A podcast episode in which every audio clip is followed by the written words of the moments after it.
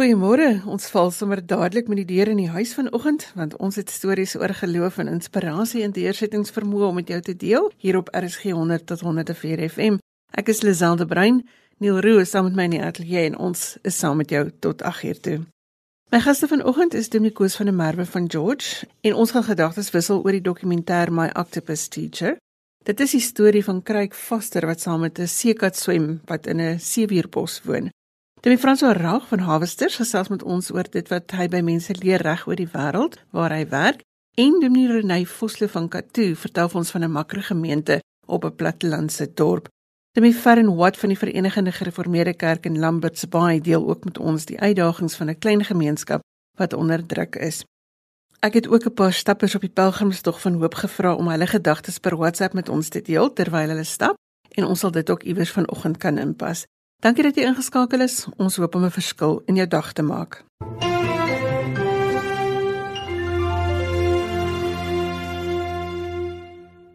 Hoe gemaak met 'n verjaarsdagpartytjie waar niemand bymekaar mag kom nie, was die vraag op menige mense se lippe tydens Grendeltyd. Denie Renay Vosloo van die NG Kerk op Katoo vertel hoe hulle dit gedoen het. Goeiemôre Renay.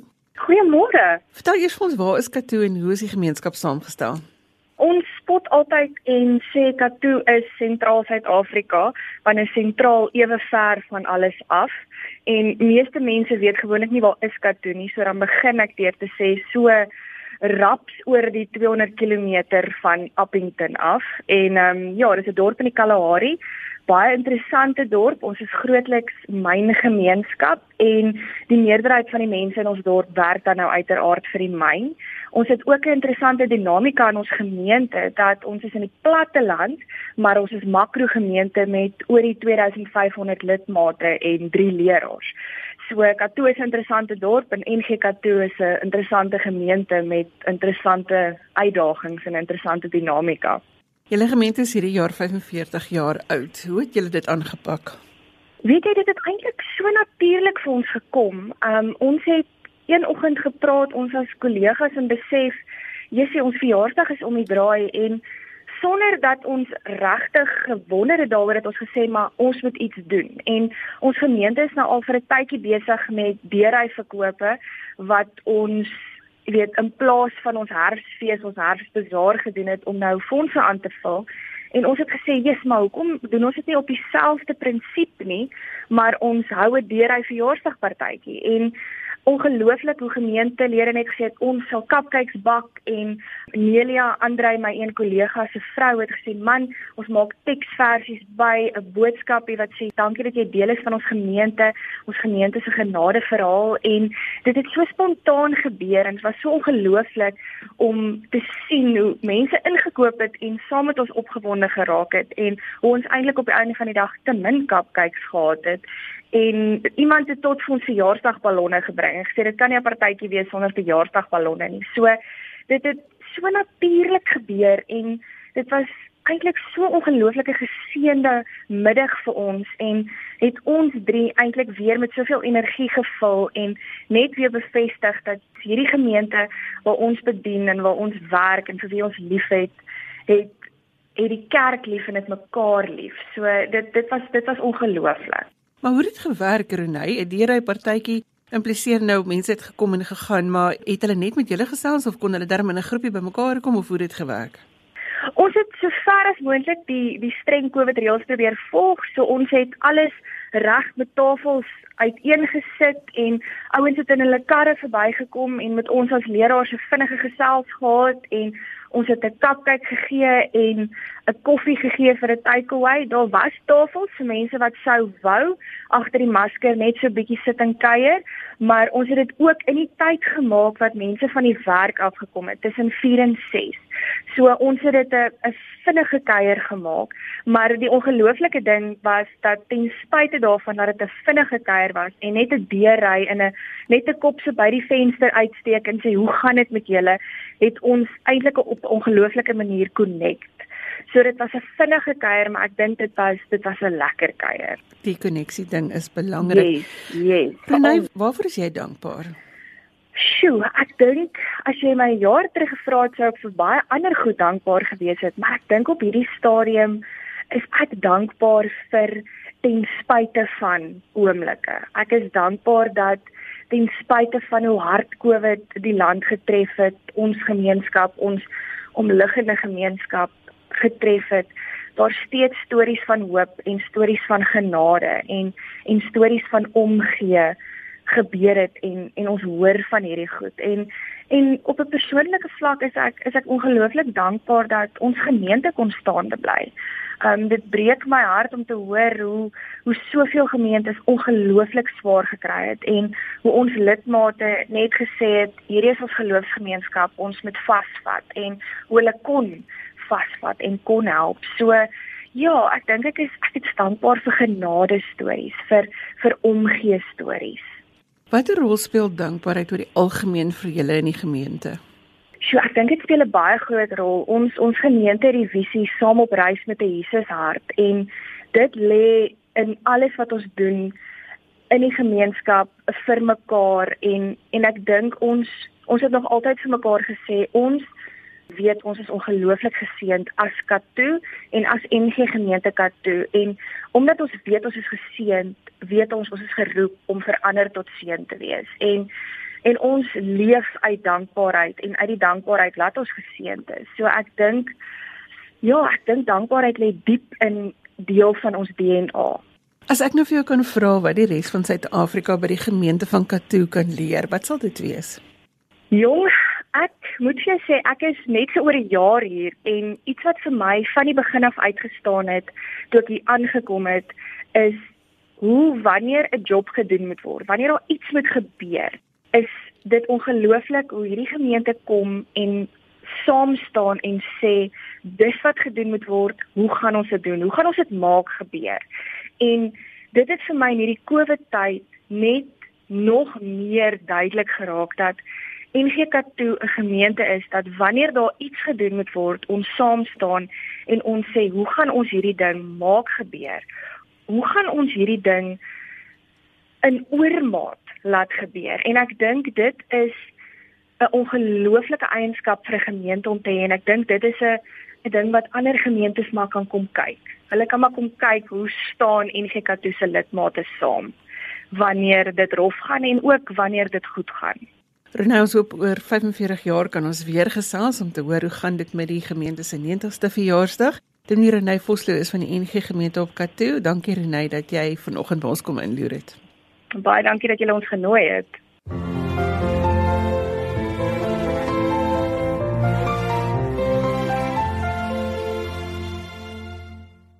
Demi Frans Verhoog is deel van die organisasie Harvesters en hy werk reg oor die wêreld deur pastorale opleiding te doen en geloofsgemeenskappe toe te rus. Ons hoor vanoggend by hom hoe sy geloofspad lyk. Goeiemôre Franswa. Môre Lisel en RSG, is heerlik om saam met julle te kuier. As jy my nou so binne nooi in jou leefwêreld, hoe lyk dit? Man, ek dink ek het ek het my titel verander nommer 1.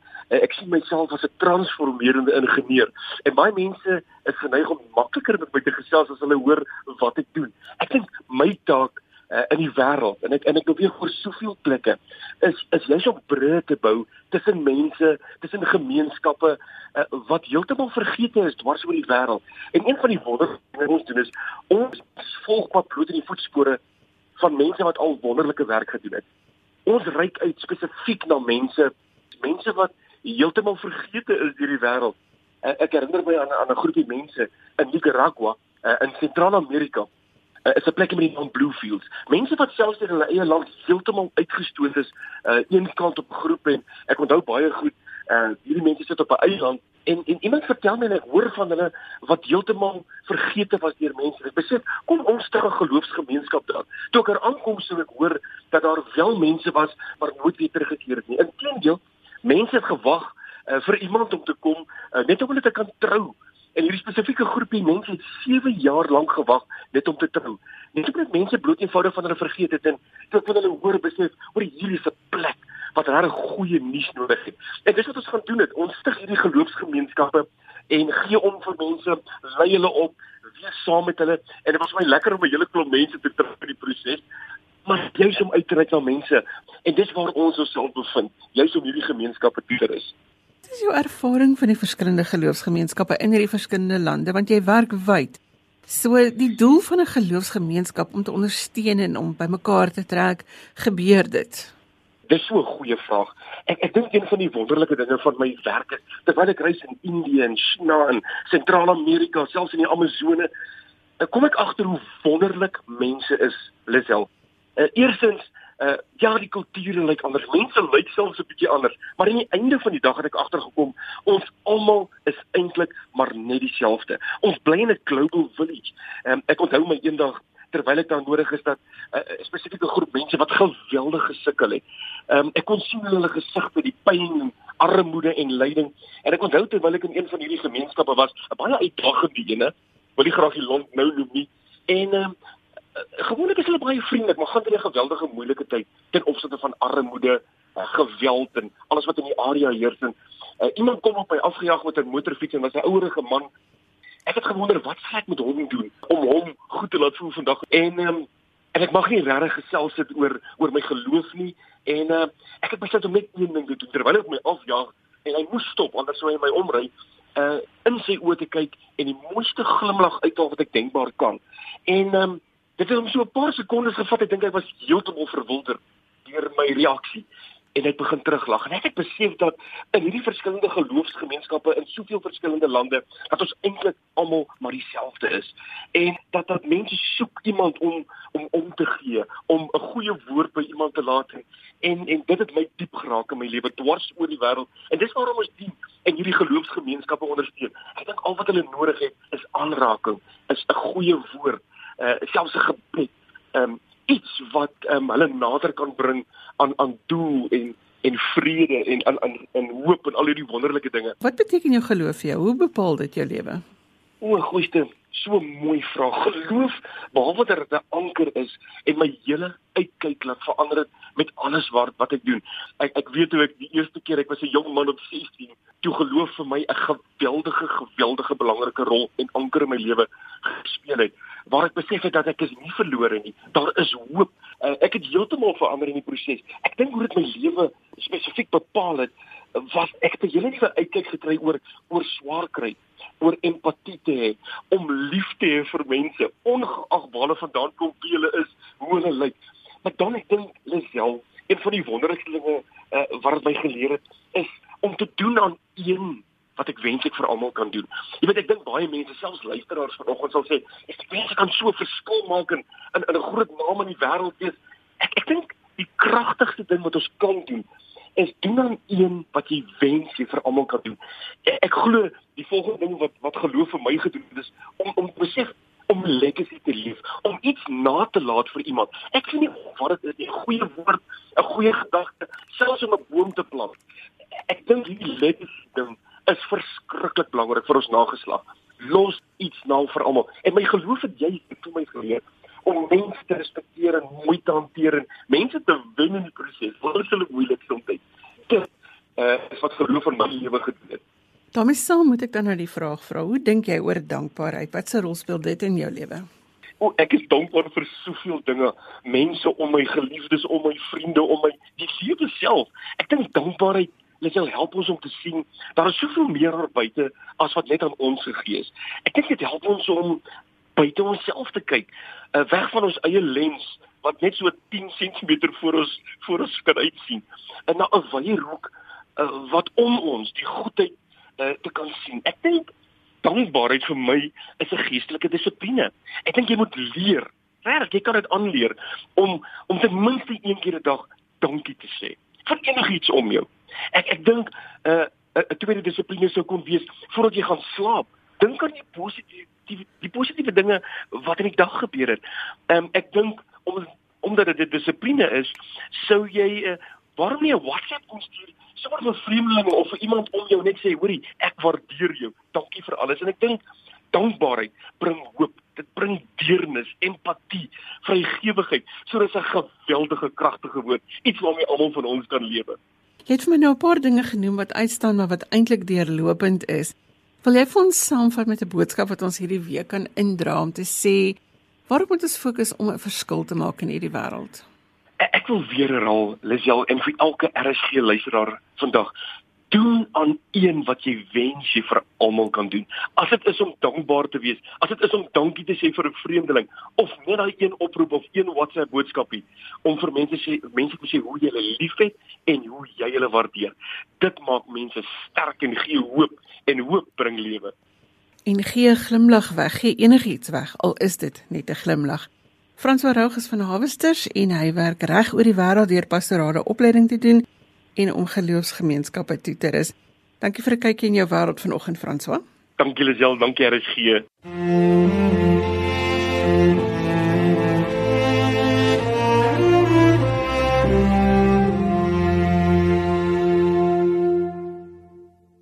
Die Pelgrimstog van Hoop is Suid-Afrika se eie Camino en ek het verlede week vir 'n paar stappers gevra om hulle gedagtes met ons te deel. Hier is hulle boodskappe. Hi Lisel, dit is uh, lekker om met jou te gesels. Ons is besig om die pelgrimstog van hoop te stap. Ons is vandag die 11de dag klaar gemaak daarvan Wortelgat tot by Gansbaai, 'n stywe roete van so 24 km. Ons stap elke dag 'n uh, stywe roete. Ons het begin by Stellenbosch en ons eindig by Agallas. Ehm um, die roetes verskil. Die totale roete is so 320. Soms stap ons 27 km, ander kere so 20 en ander kere weer minder.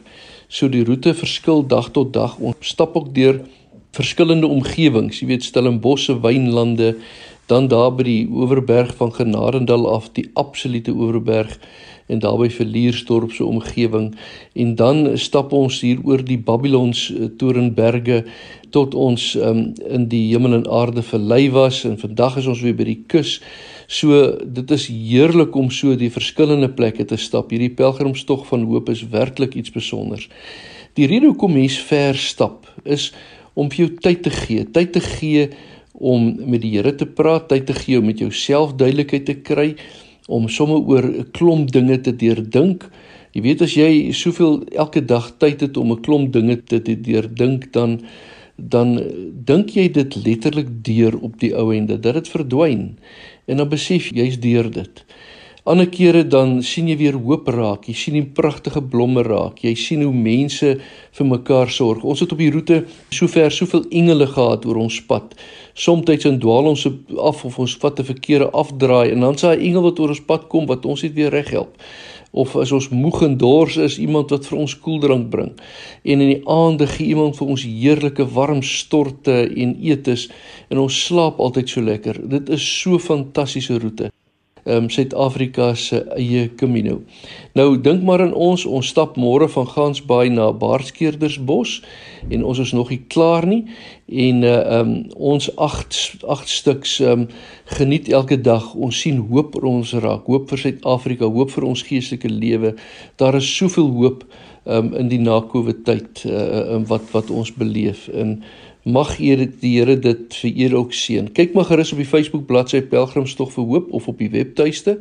Ehm um, en volg en maak maar planne om dit saam te kom stap. Dit is 'n regtig 'n wonderlike roete. Ek is Lenel Taljard. Ek kom van George. Ek het hierdie pelgrimstog gedoen omdat die Portugese Camino wat ek sou stap deur die COVID in die wiele gery is. Maar hierdie pelgrimstog van hoop het my wildste verwagtinge oortref. Dit is ongelooflike mooi natuur, Dit is die beste plekke waarop 'n mens kom. Ek is so dankbaar vir alles wat ek langs die pad ervaar en sien. En wat my hoop gee, is dat daar nog soveel mooi plekke in ons land is. My naam is Ria Tolken. Ek stap hierdie pelgrimstof van hoop. Dit is 'n lang roete, is uitputtend. Dit is nogal vir my moeilik. Die spiritual deel daarvan, as jy stap en jy sien al hierdie mooi om jou, Elke dag is anders. Vandag is dit grasvelde, môre is dit bosse, bome, riviere. En dan besef jy eintlik hoe groot die Here is en wat hy vir jou doen in jou lewe. Dit is wat dit vir my beteken. Dit is net wonderlik in die natuur. My naam is Toby Tolken. Ek doen nie pelgrimstof van hoop spesiaal omdat mense graag wil hoop in ons land. En op hierdie pelgrimstof van hoop kan ons die woord van God uitdra Die pelgrimstog het werklik 'n groot inslag gehad in ons lewe en die kontak met die mense in die omgewing uh is elke dag 'n wonderlike openbaring dat God so goed is dat hy sulke gasvrye mense op ons pad stuur. Ek is Riel Heine. Dit was vir my veral baie goed om hierdie stap tog te doen na hierdie klomp maande van inperking. Dis wonderlik om weer in die natuur te wees, om die natuur te ervaar en veral nou in die lente in in die Kaap is dit eenvoudig net wonderlik om in die natuur te wees. Wat my opgeval het is dat ons op paaie en op plekke gestap het in die berge waar daar soveel blomme en soveel skoonheid is en dat dit vir ons gegee word om te geniet, maar ook dat ek besef het dat God se skepping daar is om hom te verheerlik en dat hy in die proses dit vir ons gun om te geniet is vir my ongelooflik. Geen rede meer om in Portugal of in Spanje te gaan stap as jy dit nie kan bekostig nie. Hier is nou 'n roete in ons eie land. Demi Farren Watt is van die Verenigde Gereformeerde Kerk in Lambert's Bay en ons hoor vanoggend hoe die gemeenskap daar lyk. Goeiemôre Farren. Nou goeiemôre. Vertel ons waar is Lambert's Bay en hoe is julle gemeenskap saamgestel? Lambert's Bay is aan die Weskus of in die Weskus langs die N7. Ons is 'n klein vissersgemeenskap, 'n arm vissersgemeenskap, maar 'n dorp vol liefde. En wat is die uitdagings van die gemeenskap in daai omgewing? Ek dink die grootste uitdaging in ons gemeenskap is omdat ons 'n klein vissersdorp is en hier is nie snoek heel jaar nie. So, dis 'n baie arm gemeenskap omdat hier ook net snoek 'n sekere tyd van die jaar beskikbaar is. Is daar ander uitdagings as ek met ander predikante op klein dorpies praat, dan sê hulle die een ding is armoede, maar daar is ook dwelms, daar is werkloosheid, daar is 'n min geleenthede vir die mense. Ja, kyk Lamberts Bay is een van die dorpe met die minste geleenthede. Ons ons het op hierdie stadium nie 'n hoërskool nie, so baie van ons se jongelinge moet die dorp verlaat. Ons het die um aardappelfabriek hier, maar hulle kan ook net 'n sekere aantal mense aanstel jaarliks. So ons hier's nie werk eintlik in Lamberts Bay nie. So ons jongelinge as hulle klaar maak met skool, dan as hulle gaan studeer, hulle kom nie werklik terug nie want hier is nie werk nie. So dit is een van die grootste uitdagings wat ons het is werkloosheid um ons jongelinge wat nie terugkom nie want hier is nie werk nie en dan natuurlik ook net die motivering in ons kinders um dat hulle harder sal werk om verder te gaan studeer om 'n toekoms vir hulle self te kan bou. Waar pas geloof in die kerk by die mense van Lamberts Bay in? Geloof is eintlik al wat ons dorp het. Omdat dit 'n baie arm gemeenskap is, is ons kerke en ons mense in die kerk baie streng op hulle geloof. En ons mense dit is waarna hulle liewe so ek toe ek in Lammertsbaai begin het ek het lanklaas so hardwerkende gemeente gesien.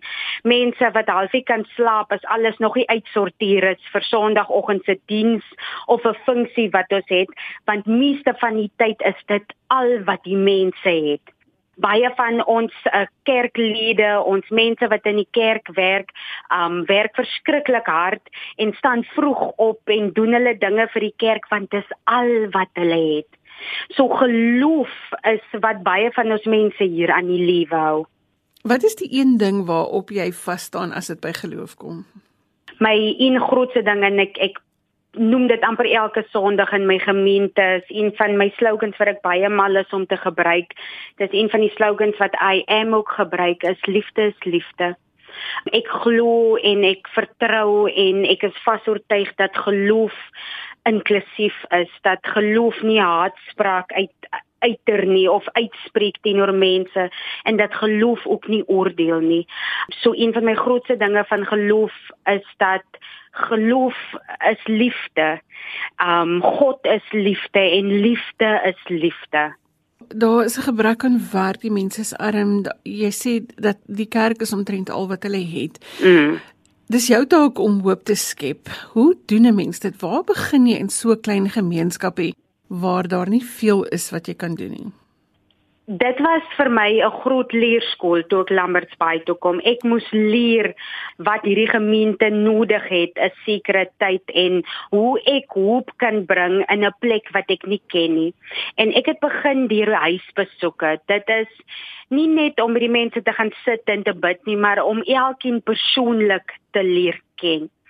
Um die feit dat ek by mense se huise kom koffie drink vir hulle. Natuurlik mos nou voor lockdown en die virus se besigheid.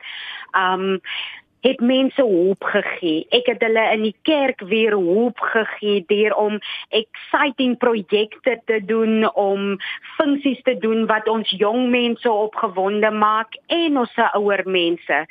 So dit is kleiner goedjies wat ek probeer inbring het saam met my kerkraad om almal net weer hoop te gee om boodskappe te gee Sondag wat menslik verstaanbaar is waar vir die lidmate wat dalk ongeletterd is dit verstaanbaar dit maak en ek sien sulke dinge bring verskriklik hoop in die gemeenskap. Waarvoor is jy dankbaar en dink jy dit maak 'n verskil om dankbaar te wees? Ek is dankbaar vir die werk wat ek kan doen met al die negatief wat dalk ook in die bediening is en wat ek dalk of nie dalk wat ek al ervaar het is ek baie dankbaar dat ek in die bediening kan werk. En om dankbaar te wees is genade Um ons as mense, as sondige mense verdien nie altyd genade nie, maar maar ons God is so groot. Hy gee ons elke dag genade. So dit maak 'n groot verskil om dankbaar te wees dat ek kry wat ek nie verdien nie en dit is genade. So ek lief elke dag dankbaarheid uit. Ek is vir die Here so dankbaar dat hy my geroep het en my geplaas het by 'n plek waar ek my roeping kan uitleef. Fern, wat kan die res van Suid-Afrika leer by die mense van Lambert's Bay as dit kom by geloofsgemeenskap wat mekaar ondersteun en by mekaar staan? Ek het in Lambertsbaai kom leer wat dit beteken dat 'n gemeenskap saam staan. Lambertsbaai se gemeenskap as een broer vanaand nie brood het om te eet nie. Dan gaan die gemeenskap bymekaar kom om vir hom 'n broodjie te kry en seker te maak dat hy nog vir die res van 2 weke uitgesorteer is. So ek het werklik kom leer wat liefde hier is, wat dit beteken om na jou medemens te kyk. En ek dink as soveel gemeenskappe dit kan aanneem hier in Suid-Afrika dat ons nie vaskyk in gesig of ras, maar dat ons net mense sal sien. Mense wat geskep is deur God in die beeld van God en net liefde sal uitlewe elke liewe dag. Dominee Ferren Watts van die Verenigde Gereformeerde Kerk in Lambert's Bay. Dankie Ferren vir die prentjie wat jy vir ons van Lambert's Bay se geloofsgemeenskap gegee het vir oggend. Baie dankie en dankie vir die geleentheid.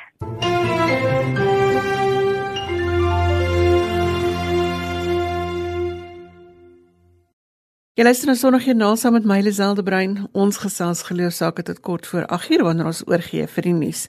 Dankie dat jy saam luister. Verlede week het ons nasionale marine week gevier sodat ons kan fokus op die bewaring van ons seehulpbronne. En daarmee saam is die dokumentêr My Octopus Teacher op almal se lippe. Demikos van der Merwe van George gesels met ons hier oor vanoggend. Môre Koos. Môre Lisel, is so lekker om saam met jou te kuier. Die storie van die seekat het ons almal aangeraak, maar die vertelling is eintlik baie meer as dit. Vertel gou vir ons vir die wat dit nie gesien het nie. Wat was jou indrukke van hierdie storie?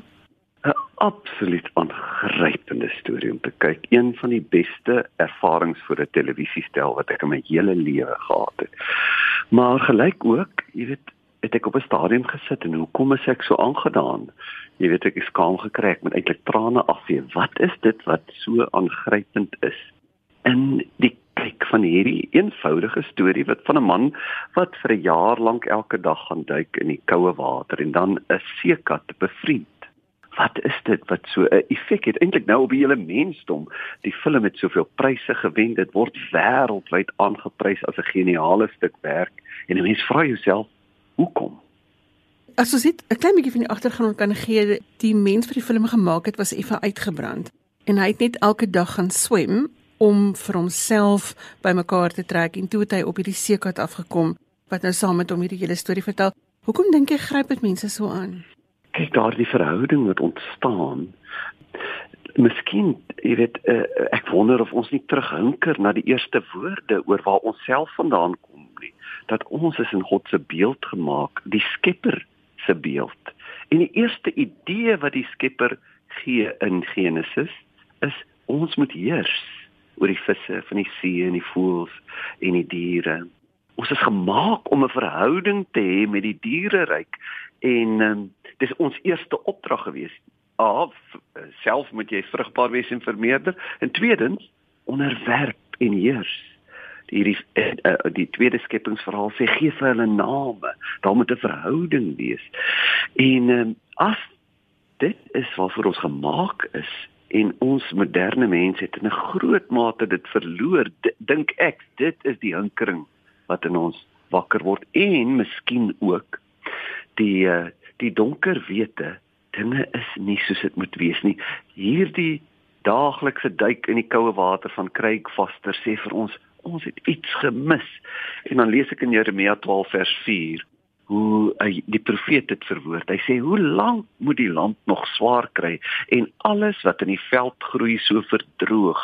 Die diere en voëls gaan ook dood as gevolg van die mens se sonde.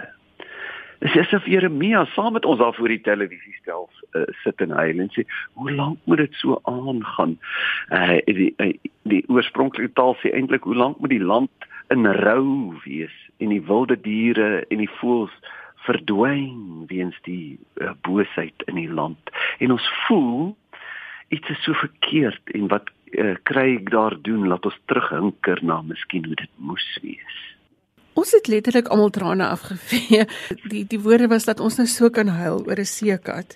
Ek vermoed hierdie storie bring mense op 'n redelike eenvoudige manier by die kompleksiteit van balans. Hoekom dink jy het ons almal oor hierdie seekat gehuil? Ek dink die een huil is die hinkerende huil en die ander een is dalk ook 'n magtelose huil. Wat kan ons doen?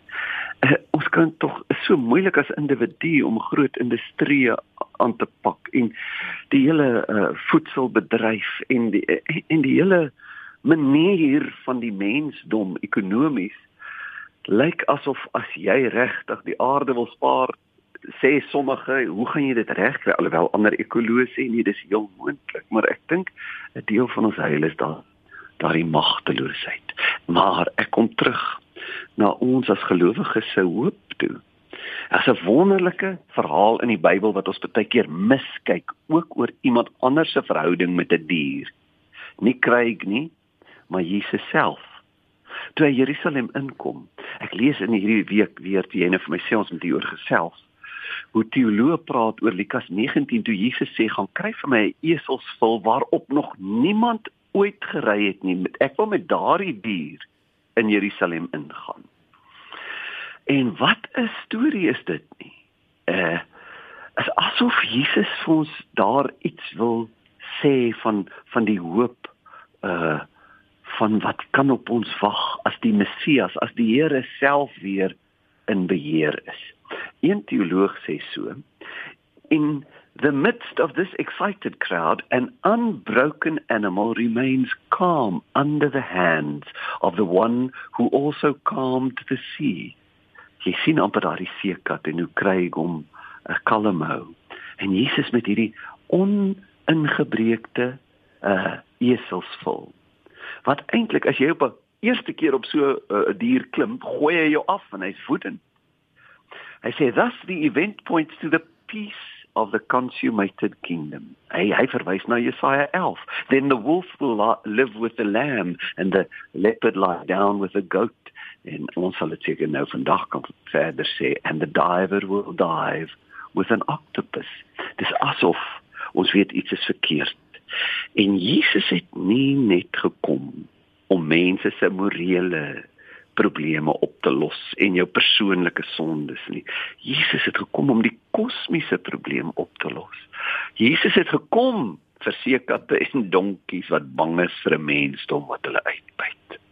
Kus, wat is jou gedagtes rondom dankbaarheid en daarmee saam dalk ook om nou aan te pas ons tema vanoggend oor sorgsaamheid? Ek dink sorgsaamheid en dankbaarheid hier, hoe meer jy weet, dit is wie die mensdom is Jy's gemaak om 'n verhouding te hê met jou omgewing en met diere. Hoe meer sal jy verwonderd raak en dankbaar wees vir die wonder van menswees. Ek kan inderdaad 'n verhouding met 'n die dier, met plante, met skoonheid hê. Uh ek lees 'n boek uh, van Donald T. Williams, Mere Humanity. Uh waar hy Chesterton en Lewis en Tolkien se idees oor die menslike toestand ondersoek. En dan sê hy so: Pets, troeteldiere, are a symptom of our estrangement from Eden and our longing to get home. Man with dog closes a gap in the universe. Ons verlang om die gaping tussen ons en die natuur oor te steek. En hoe meer jy dit doen, hoe dankbaarder word jy vir die wonder van hierdie wêreld waarin jy leef. Lisel dat ek vir sê ek ek het groot respek vir die teoloog Stefan Joubert. Hy hy's 'n baie diep denker.